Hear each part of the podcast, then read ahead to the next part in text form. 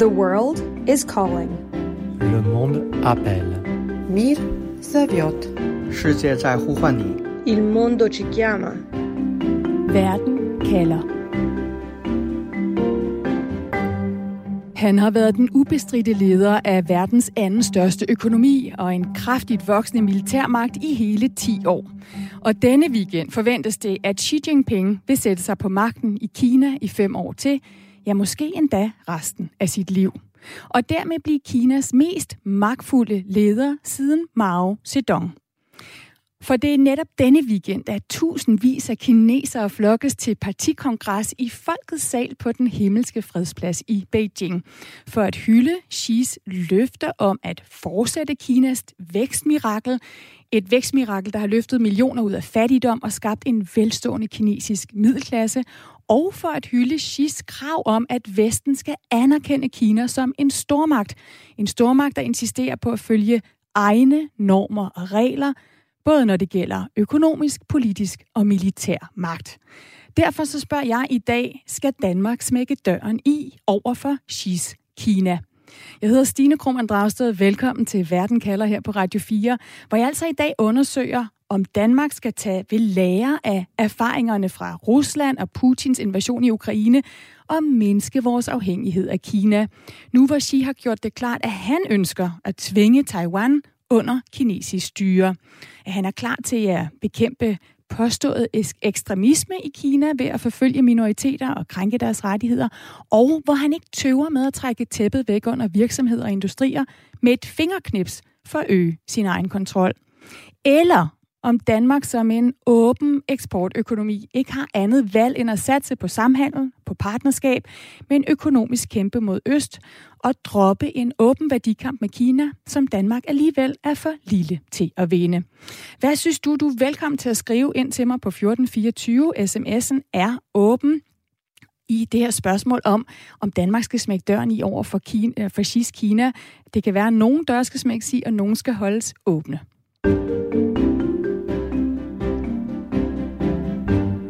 Og mine gæster i dag, det er Hans Henrik von Toppidan, generalsekretær i Danish Chinese Business Forum, som er en erhvervs- og netværksorganisation for, for danske og kinesiske virksomheder og organisationer.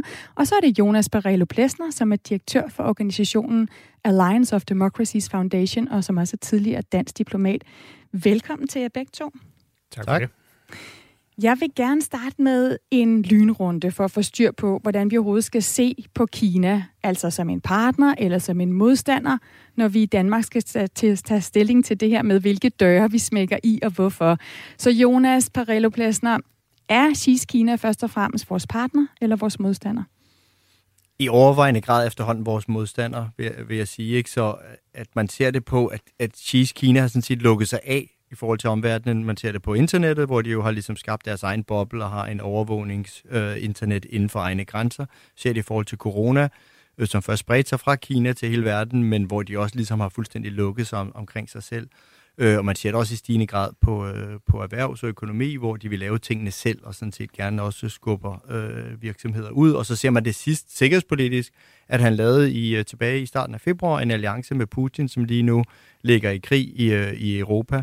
Og, øh, og, og så på den måde kan man sige, har han klart markeret at under øh, de første 10 år med ham, at demokrati og frihedsrettigheder er noget, han ser som trusler mod Kina og aktivt vil modarbejde også internationalt. Hans Henrik von Toppidan, Kina under Xi en partner eller en modstander?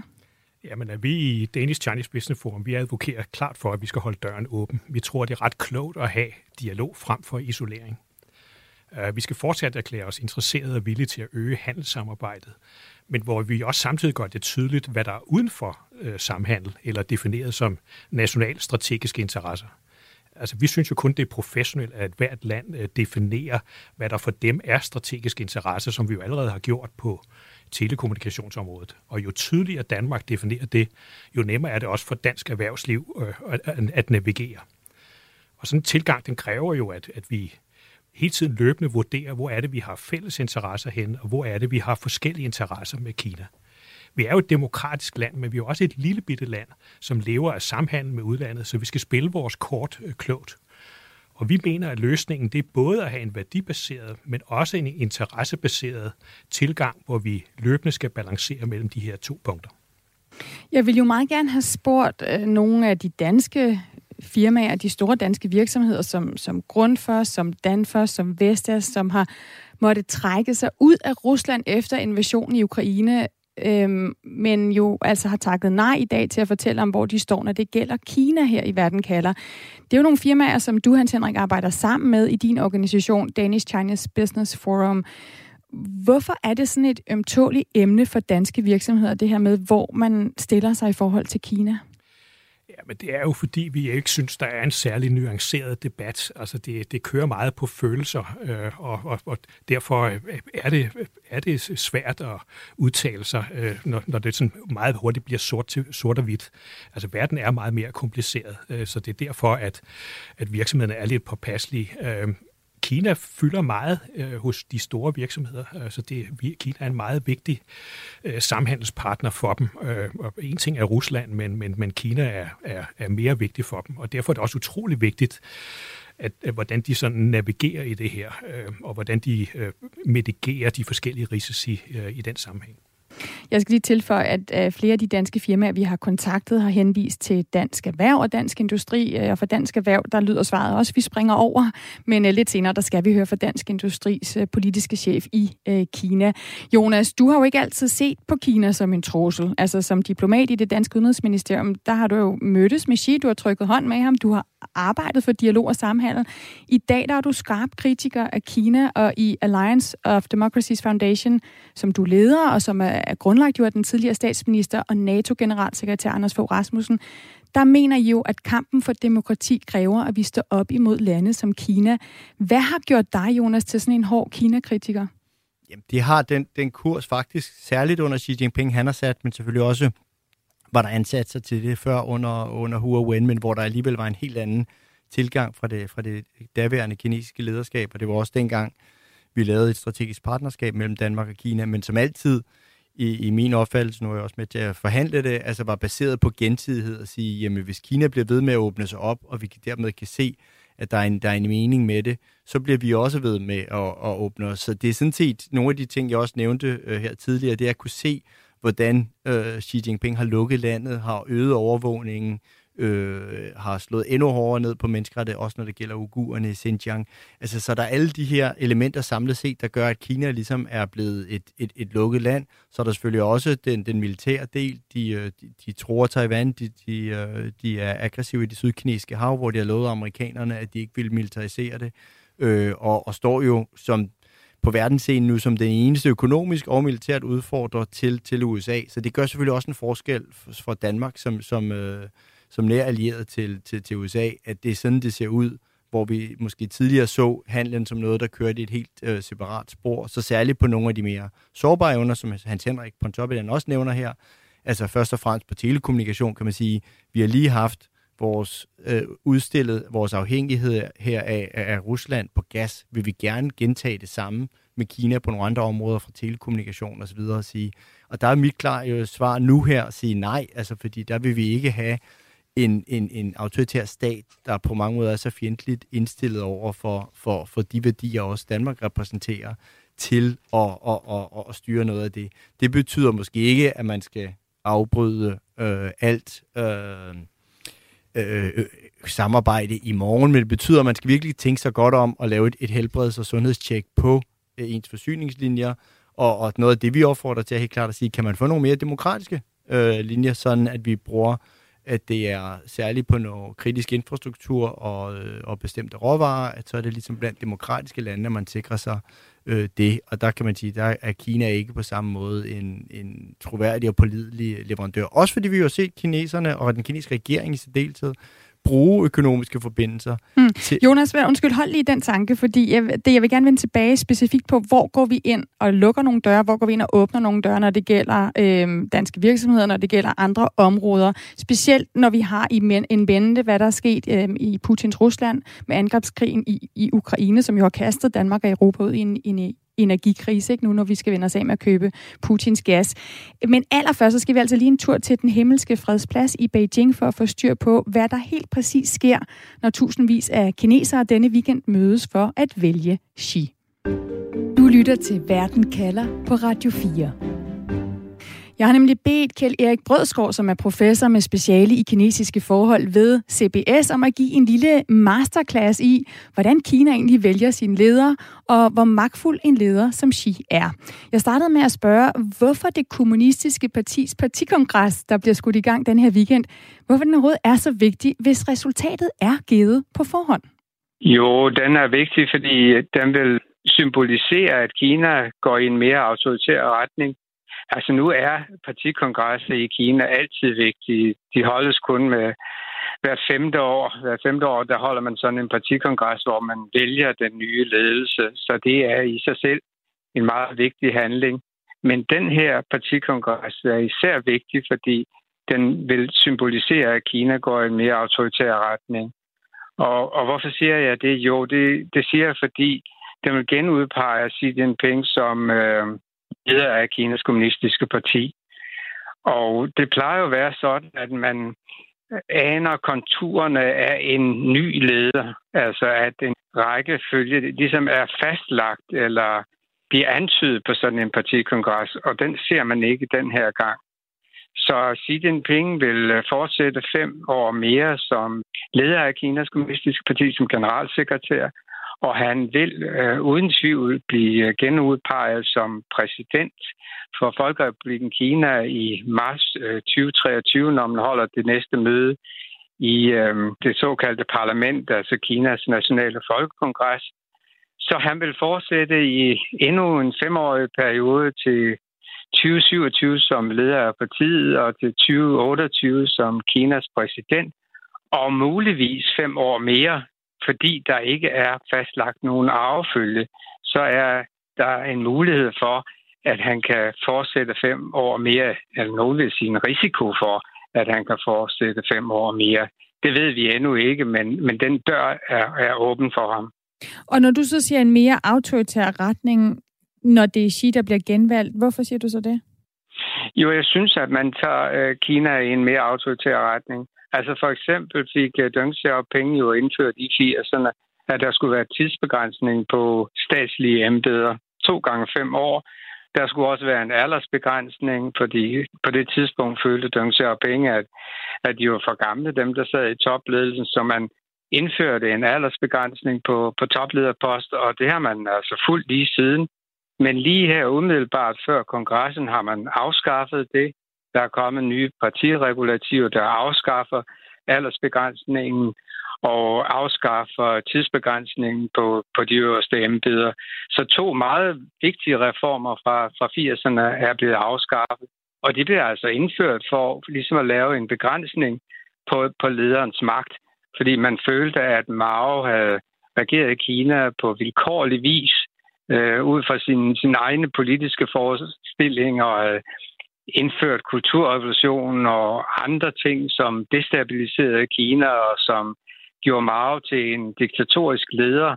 Og for at forhindre det, så indførte man altså de her reformer i 80'erne, blandt andet tidsbegrænsning, aldersbegrænsning og andre reformer, og dem har Xi Jinping ophævet. Hmm. Hvor magtfuld en leder står Xi så til at, at blive? Altså kan man sige, at han har samme uindskrænkede magt som for eksempel Putin? Jeg synes, at man kan sige, at han tager Kina i en autoritær retning. Jeg synes ikke, man kan sige, at det er diktatur, fordi Xi Jinping er jo nok i virkeligheden mere begrænset i sin magt end Putin. Altså, Xi Jinping bliver valgt af, det er jo ikke partikongressen, der vælger ham, det er den centralkomité, der bliver valgt på partikongressen, der vælger ham dagen efter partikongressens afslutning. Der bliver Øh, det nye politbyråvalg, det nye stående udvalg og generalsekretæren valgt. Disse valg, øh, de er jo sådan knap øh, så hemmelige, som det er i vores del af verden. Altså meget er det er jo givet på forhånd. Men han bliver altså valgt på, på, på centralkomitémøden, og han står til ansvar over for centralkomiteen, og han står til ansvar over for politbyrå, og han har også et stående udvalg, som han mødes med mindst en gang om ugen. Øh, det består af syv øh, personer, de mødes mindst en gang om ugen, og han øh, hører og er nødt til at høre på, hvad, hvad de andre har af meninger. Putin regerer jo fuldstændig enevældig i, øh, i Rusland. Han er jo ikke ansvarlig over for nogen institutioner. Det er Xi Jinping, og han kan i princippet væltes af centralkomiteen. Det kan Putin ikke. Han har ikke nogen centralkomité. Altså man kan ikke forestille sig Rusland, der er Khrushchev væltet af centralkomiteen. Der er ikke nogen øh, centralkomité. Der er ikke nogen institutionelle begrænsninger på Putins magt.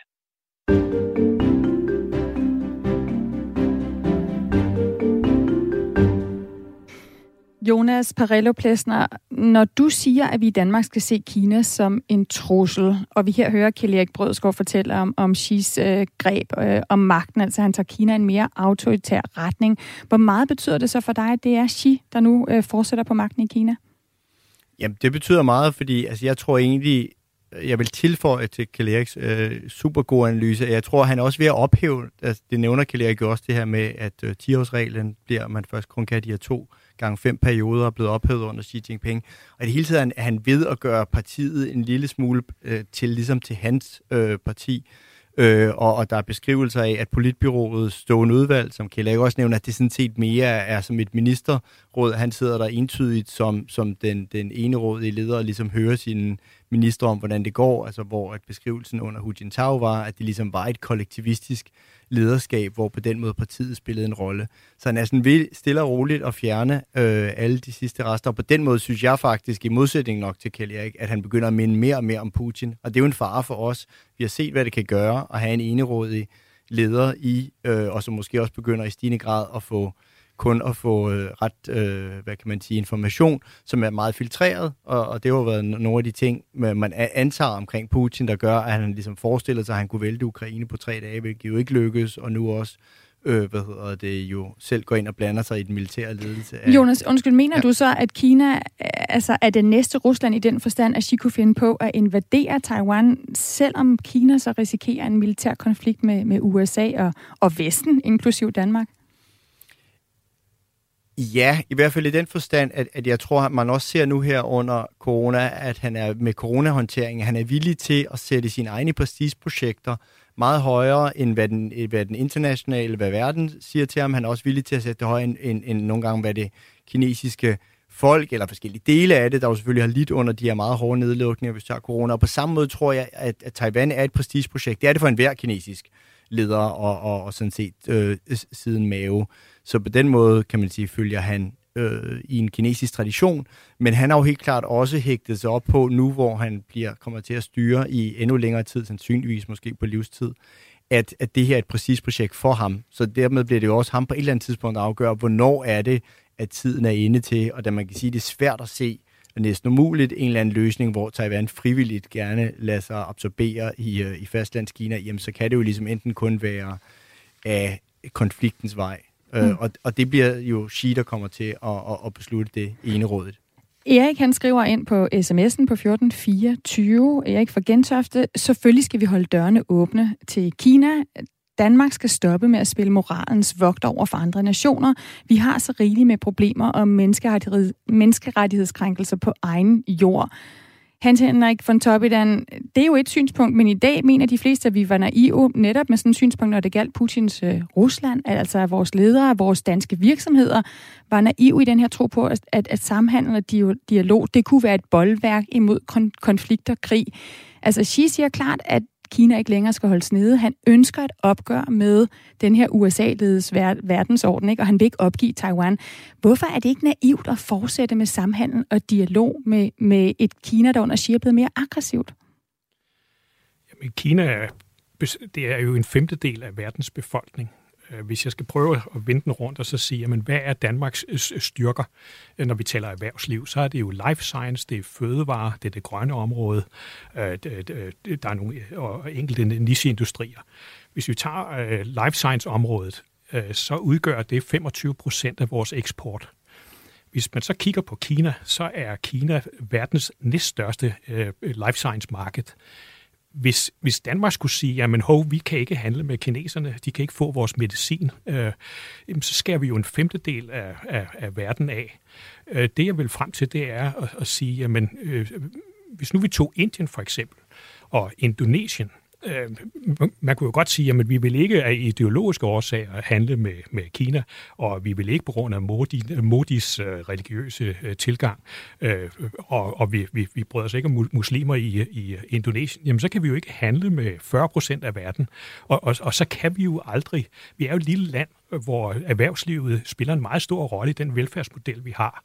Øh, og det, det vil simpelthen gå ud over det, at vi fravælger 40 procent af verden. Hans Henrik, hvad nu, hvis det ikke er, fordi Jonas eller andre står og advarer og siger, at vi kan ikke handle med den ene eller den anden, men hvis det er USA's præsident Biden, der nu jo lige her forleden øh, i sin nye nationale sikkerhedsplan går ud og siger, Jamen altså, selvom Rusland er den umiddelbare militære trussel, så, er det, altså, så ser USA på Kina som det land, der på lang sigt kan tro den internationale orden. Risikerer vi ikke, hvis vi fortsætter med at sige, at vi skal holde døren åben til Kina, at danske virksomheder kan stå i en situation, hvor de skal altså, vælge mellem handel med USA og handel med Kina?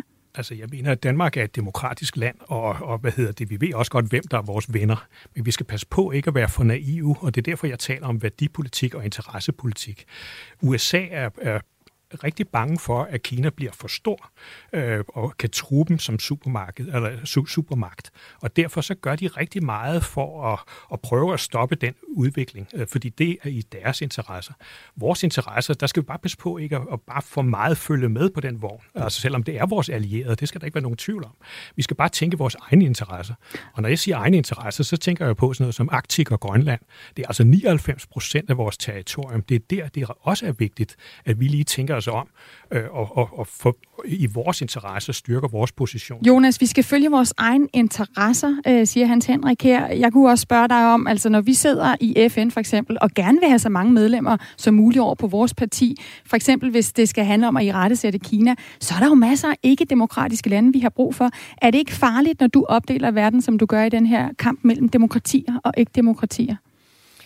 Altså, det er jo et sprogbrug, den amerikanske præsident Biden også har brugt, og sagt, det er ligesom den tidsånd, vi er i. Hvor, og jeg vil jo sige, det starter jo ude i øst. Det starter jo med, at både Rusland og Kina i, i stigende grad har defineret sig som autokratiske systemer og defineret sig som opposition til øh, frihedsrettigheder og til demokrati. Og det kan man sige, det så man jo også med den fælles erklæring, de lavede den 4. februar sammen.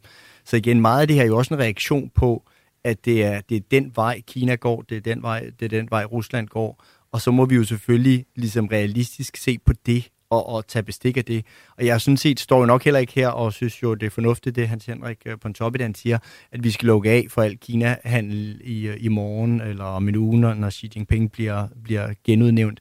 Men det er klart, at vi skal virkelig se, se på de her forsyningskæder og sige, jamen demokratiske lande, vi skal ikke være sårbare. Vi har set Kina i 2012 true Japan med sjældne jordarter og sige, I kan, ikke, øh, I kan ikke få dem, hvis ikke I ligesom Margaret i den her strid, de har ude omkring øh, nogle omstridte øh, øer mellem Japan og Kina.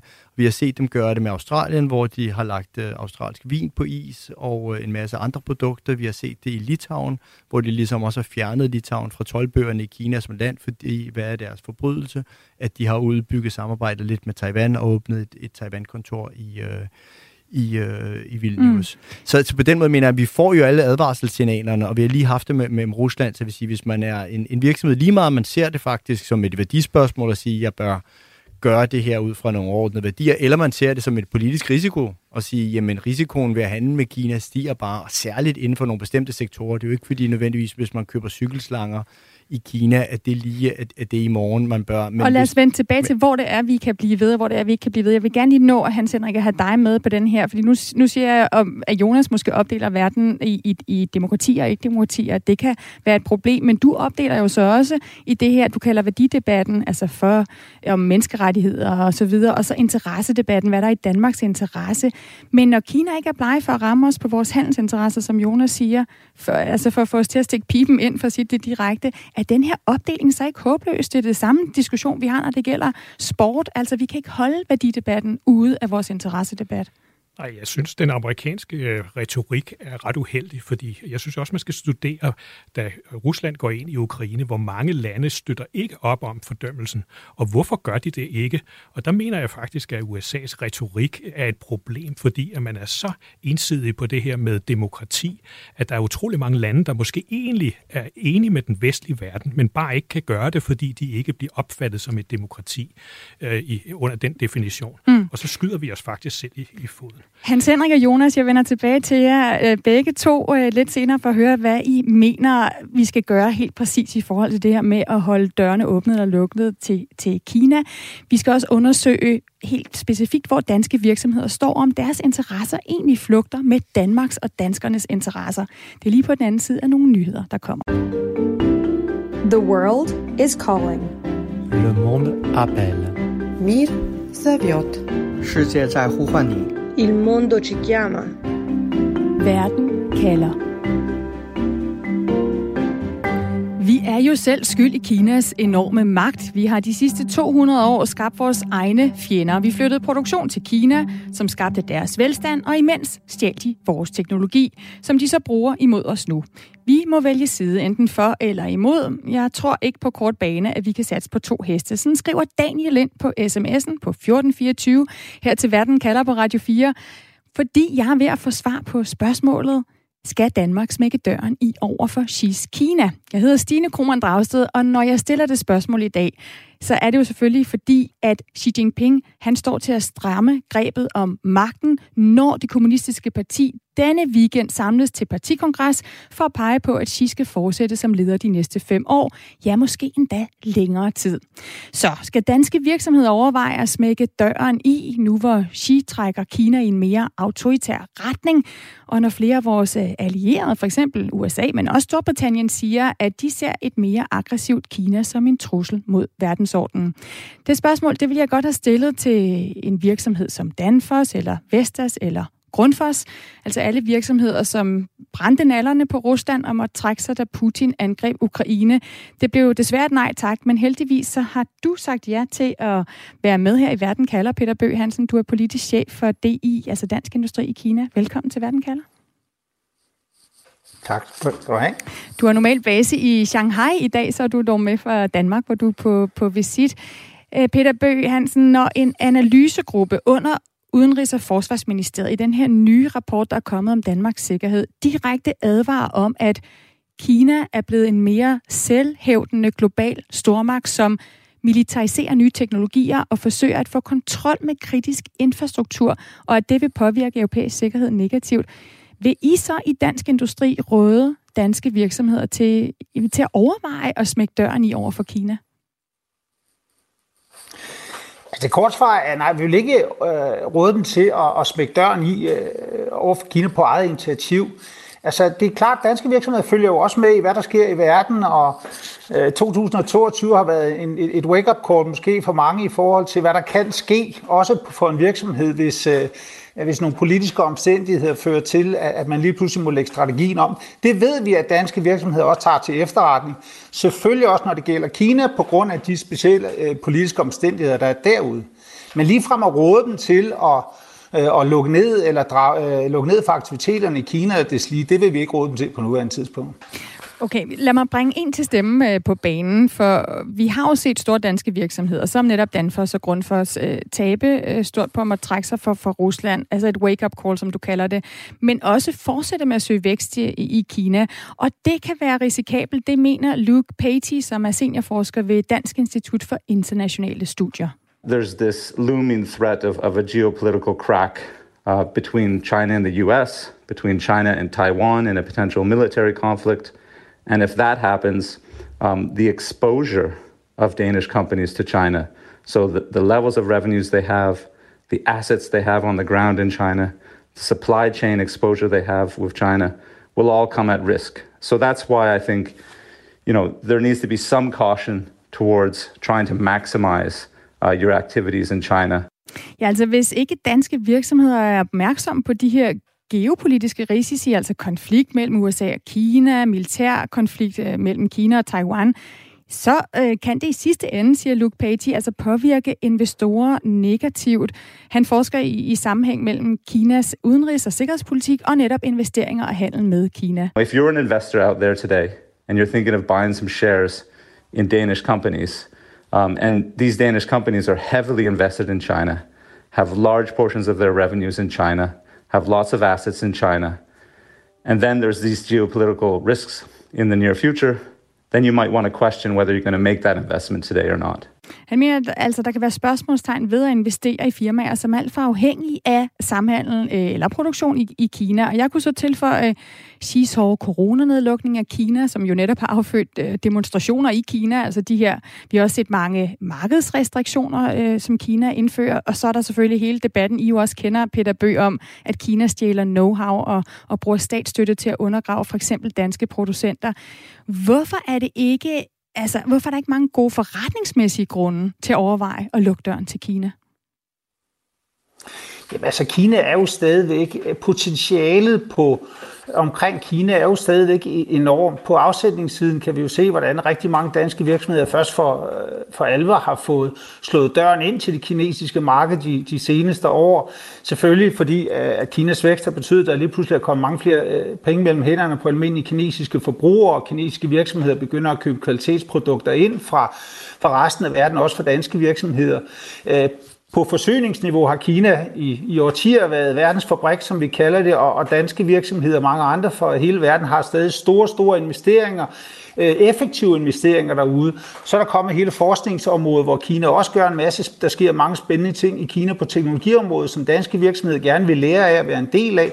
Så der er mange grunde til, at man fra et helt forretningsmæssigt synspunkt stadigvæk har en interesse i, i Kina. Som opvejer den sårbarhed, der bliver påpeget her, altså både det geopolitiske, men så sandelig også alt det andet, der kan være problematisk ved Kina, som at man pludselig kan stå med en marked, øh, markedsrestriktion. Altså vi har lige set, hvordan at øh, øh kinesiske kommunistparti har bestemt, at nu skal kinesiske hospitaler simpelthen kun købe fra producenter, der producerer i Kina.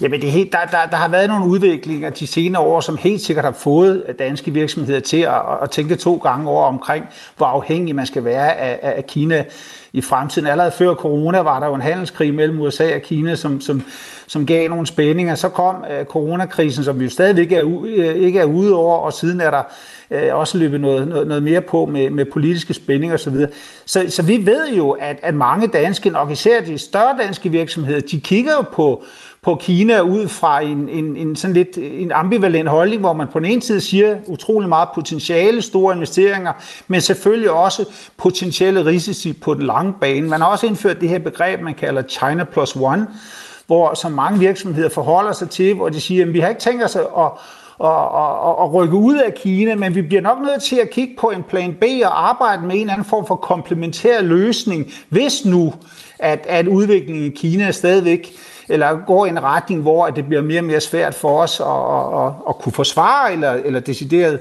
uh, gøre forretning i Kina. En ting er jo så danske virksomheders uh, interesse, øhm, og der siger Luke Patey fra Dansk Institut for Internationale Studier, så han mener ikke altid, at de interesser, de flugter med danske borgers interesser. There are certain Danish companies that have 10-15% of their revenues coming from China, that have invested a lot in China, And even though, um, you know, a, a new uh, Danfoss factory or a new Carlsberg plant in China won't help the everyday Dane on the street very much, um, it does help Carlsberg and Danfoss.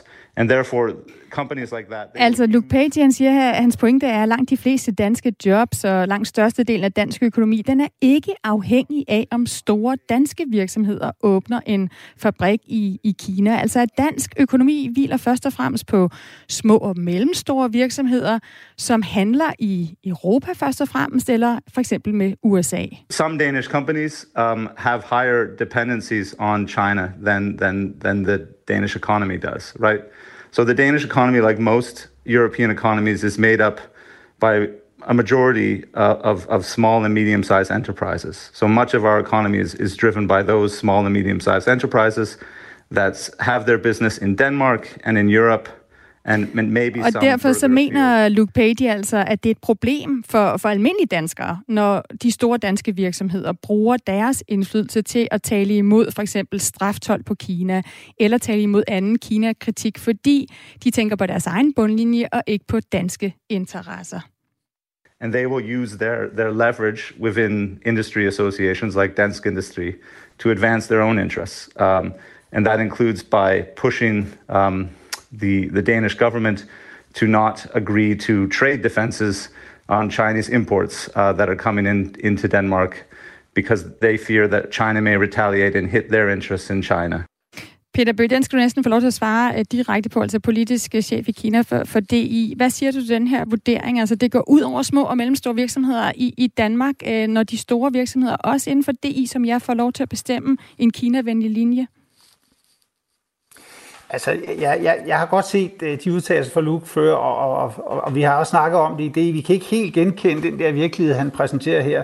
For det første er det jo langt fra kun de store danske virksomheder, som har interesser i Kina. Vi kan se, at de sidste 5-10 år har vi haft et enormt ryk netop fra mellemstore og, og virkeligheden også mindre danske virksomheder, som lige pludselig interesserer sig for afsætningspotentialet i Kina, men selvfølgelig også er afhængige af at kunne købe forsyninger og produkter af forskellige, øh, af forskellige typer øh, i Kina. Øh, Øh, og at dansk industri har en anden form for agenda omkring, øh, at, at, at vi vil holde, holde, holde, holde mindre og mellemstore virksomheder nede på bekostning af, eller for at forsvare større virksomhedsinteresser, det kan vi slet ikke genkende.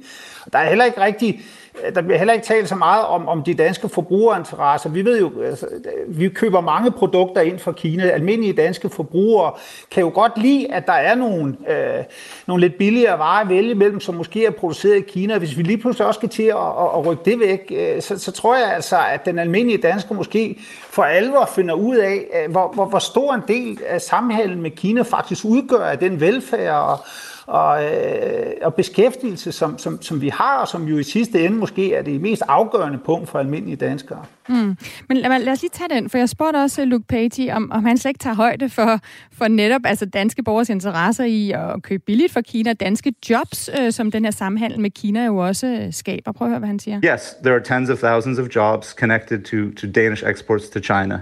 Um, but many of those jobs, as analysis has shown, are very flexible um, they can shift over to other industries if those exports are, are, threatened or fall for some reason. Ja, han mener altså, at de fleste jobs, der er forbundet med Kina, er fleksible, at de kan genskabes andre steder, hvis man skulle kunne lukke døren øh, til Kina i af den ene eller den anden grund. Og så siger han også, at selvom Kina er en vigtig handelspartner, så fylder handlen med EU og USA bare meget mere. China is, of course, an important partner, but um, Germany and Sweden and the EU make up altogether around 60% of Danish trade. The US makes up around 9 10% of Danish trade in recent years. So, Denmark, it's not dependent as a country on trade with China. Dansk økonomi er slet ikke så afhængig øh, af Kina, siger han altså her. Øh, Peter Bøh Hansen, politisk chef for DI i Kina. Hvorfor ikke opfordre jeres medlemmer til at satse mere på andre markeder end det kinesiske, som, som ikke er i konflikt med vores geopolitiske interesser? Altså som udgangspunkt opfordrer vi ikke virksomheder til at satse nogen, øh, øh, nogen som helst steder. Det, det har de selv øh, fuld indsigt i, hvor de bedste muligheder er. Og jeg synes også, man undervurderer lidt danske virksomheders evne til at kunne øh, vurdere sådan en helhedsbetragtning, øh, kommersielle interesser versus geopolitiske spændinger og trusler osv. Danske virksomheder har øh, god information om, hvor at de kan rykke hen, hvor der er nogle muligheder, hvor der er nogle begrænsninger, som for eksempel politisk i Kina, og hvor man måske øh, kan prøve at, at, at opdyrke nogle nye markeder. Men med den betragtning er jo også, at det ikke er nemt. Jeg tror ikke på, at det er nær så nemt for en dansk virksomhed med en betydelig interesse i Kina bare at rykke tilpælene op og flytte til et andet sted, som Luke der, han, han pointerer. Det, det, det synes jeg ikke flugter med den virkelighed, som, som, øh, som vi ser. Peter, så lad mig lige spørge dig om det, øh, altså det spørgsmål, jeg stiller i programmet her, øh, nu hvor, hvor Xi altså trækker Kina i en autoritær retning, som du også siger, I er opmærksom på, at virksomheden er opmærksom på. Og jeg spørger, skal Danmark så smække døren i over for Xi's Kina? Hvad skal der til for, at danske virksomheder smækker døren i? Altså, hvad er den røde streg? Er der sådan en?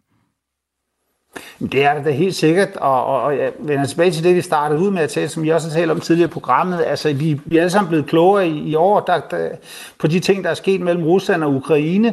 Øh, hvis en tilsvarende udvikling skulle ske, der involverede Kina, og der ved vi jo godt, at så har det nok noget med Taiwan at gøre, jamen det ville helt sikkert at være gå over stregen. Så ville der være nogle også økonomiske, erhvervsmæssige konsekvenser og sanktioner, som danske virksomheder skulle forholde sig til på en, på en helt anden måde, end situationen er i dag.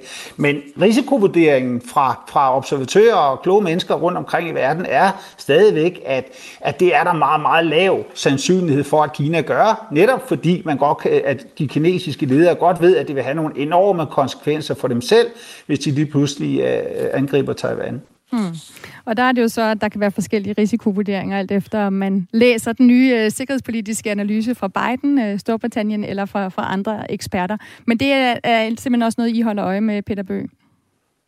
Det er det absolut. Det er da helt sikkert et kritisk punkt, og, og, og noget, som, som jeg tror alle, for, hvis du havde spurgt mig for fem år siden, havde sagt, det var, Øh, det, det var helt hen i, det var science fiction, at Kina overhovedet ville, ville tænke over det. Det er det nok ikke mere. Det er noget, vi, der er mere sandsynlighed nu, men som sagt, risikoen er stadigvæk meget lav, og det er det, vi må forholde os til, som danske virksomheder bør, efter min mening, også forholde sig til. Tusind tak for det perspektiv. Altså Peter Bøh Hansen, politisk chef for Dansk Industri i Kina.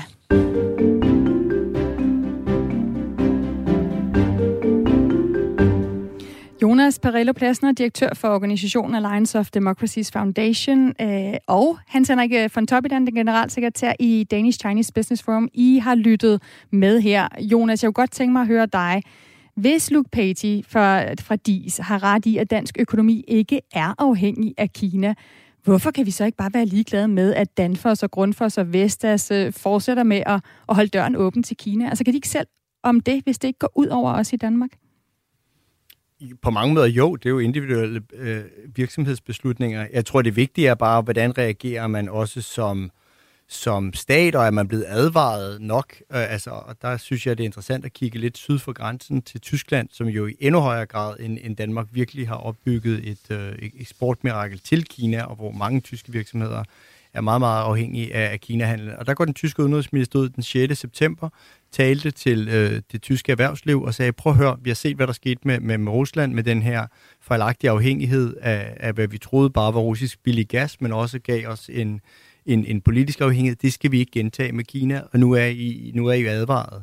Og jeg tror, det er egentlig den bevidsthed der, der er vigtigt af, at man, man siger det, og som, som, som Peter Bøg også fremhævede det at sige, hvor han for en fem år siden ville have slået øh, et, et, et, en forestilling om en, en krig over Taiwan fuldstændig hen, så selvfølgelig nu på en anden måde siger, jamen det er jo også en del af den politiske risiko, som virksomhederne skal forholde sig til. Så fra min vinkel synes jeg, at man som virksomhed bør forholde sig til det enten som en politisk risiko, rent kynisk, det kan ramme ens bundlinje, eller selvfølgelig også som værdispørgsmål at sige, vil man i en stigende grad en autoritær stat, også for eksempel nogle af de virksomheder, særligt igen de tyske, som har, har produktion i Xinjiang, hvor man ved, at der er arbejdslejre under umenneskelige forhold, vil man ligesom være, være hvad hedder det, med til det. Og øh, så på den måde er der jo en række spørgsmål omkring det at, at producere og investere sammen med Kina. Og så er der selvfølgelig også på det teknologiske, har du det med, at amerikanerne 100% på det område siger stop og siger, her er der en fare for, at vi forsyner øh, Kina med militærteknologi, de kan bruge, og derfor øh, vil vi i hvert fald ikke samarbejde, og også opfordre vores allierede til ikke at gøre det. Ikke? Og det havde vi jo den første træfning med omkring Huawei, den kinesiske telekomleverandør, skulle de være i dansk 5G, de er i dansk 4G, men er så blevet fravalgt til, mm. til 5G. Og det er jo også en, en realisering af, det var måske lidt naivt at sige, at en, et firma fra en autoritær stat kunne drive vores allermest sårbare infrastruktur på internet. Og det er jo så også din pointe, Hans Henrik von Toppidan, at det er vigtigt, at øh, danske virksomheder får at vide, øh, at den danske regering, af politikerne, hvad er egentlig kritisk infrastruktur, så man kan forholde sig til det, når man driver forretning i, i Kina. Men jeg kunne godt lige tænke mig også at spørge dig, altså er det en løsning, hvis øh, danskerne blander sig udenom, hvorvidt danske virksomheder satser på Kina, men så blander virksomhederne sig til gengæld udenom, hvor kritisk Danmark skal gå til Kina? Jeg, jeg, jeg forstår slet ikke Luke øh, Patés øh, øh, øh, informationer, eller hvor han får dem fra. Blandt andet siger han jo, at Kina fylder ikke ret meget. Det er jo faktuelt forkert. I 2021, der eksporterede Danmark for 76 milliarder, og der ligger de og slås med Norge om at være 5. 6. største. Der er 58.000 danske jobs, der understøttes af den eksport, der i sidste ende forbruges i Kina.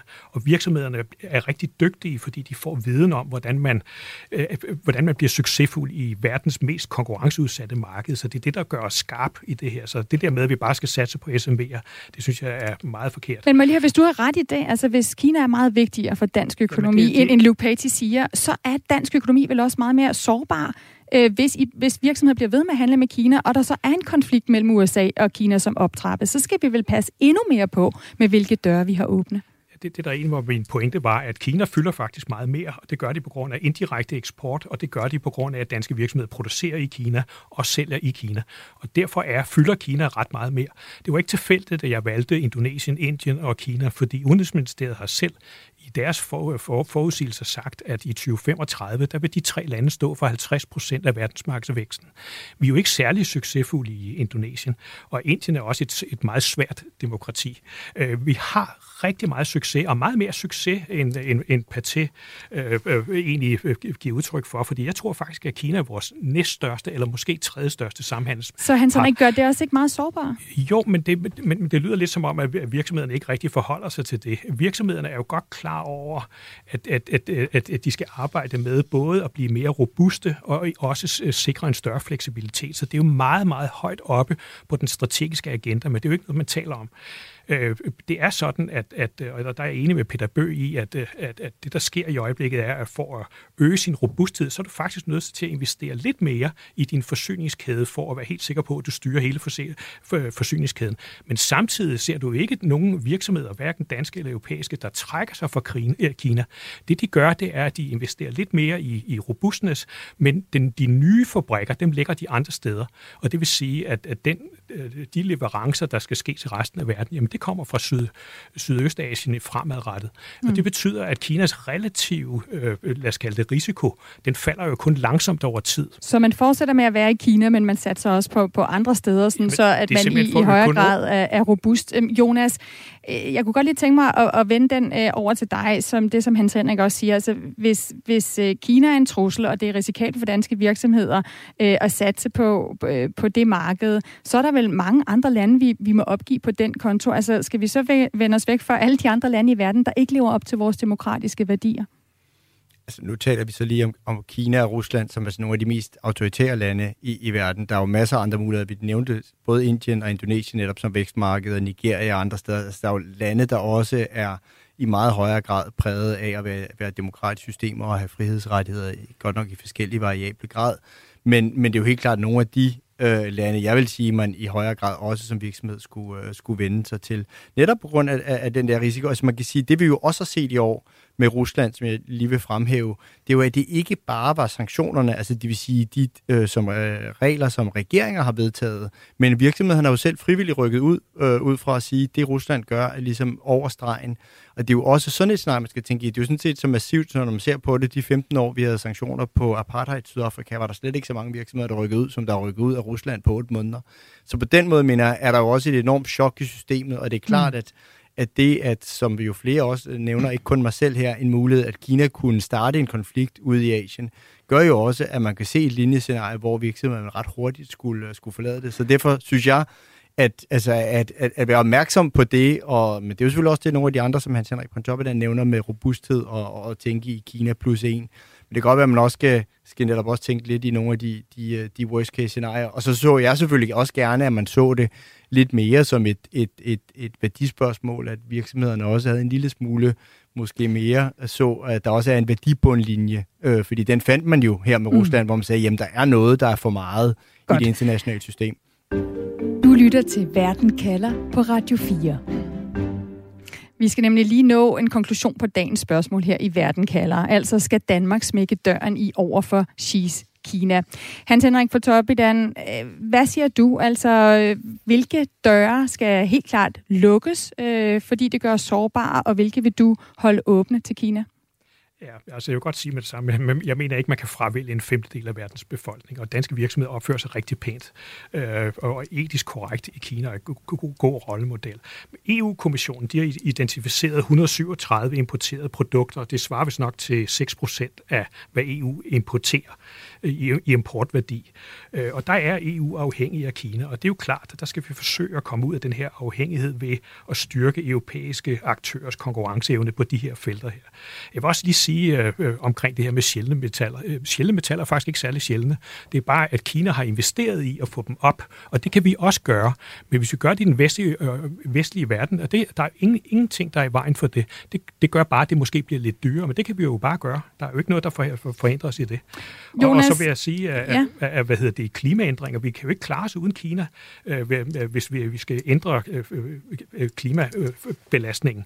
Og, og det gælder også med fastsættelse af internationale standarder, øh, øh, reform af WTO og fastlæggelse af en praktisk... Og Hans Henrik, det er jo netop noget, som Kina også bruger, ved vi, til som en løftestang til også at afpresse andre lande, som, som, hvor de så siger, hvis vi skal gøre noget for klimaet, så skal I være enige med, med os. Så Jonas Perello Plesner, hvad, er du enig i, at vi skal holde mange af vores døre åbne til, til, øh, til Kina, så længe at vi på en eller anden måde har en dørlukker klar? Altså der står, skal stå nogen i døren og sørge for, at Kina overholder de danske spilleregler? Jamen, der er også nogle steder, hvor vi bliver nødt til, til, til, til selv at lukke, og det er jo netop på de områder, hvor vi har set Kina selv lukke fra. Jeg nævnte øh, indledningsvis internettet, ikke, hvor de jo nu har et overvågnings øh, øh, aflukket internet inde hos dem selv.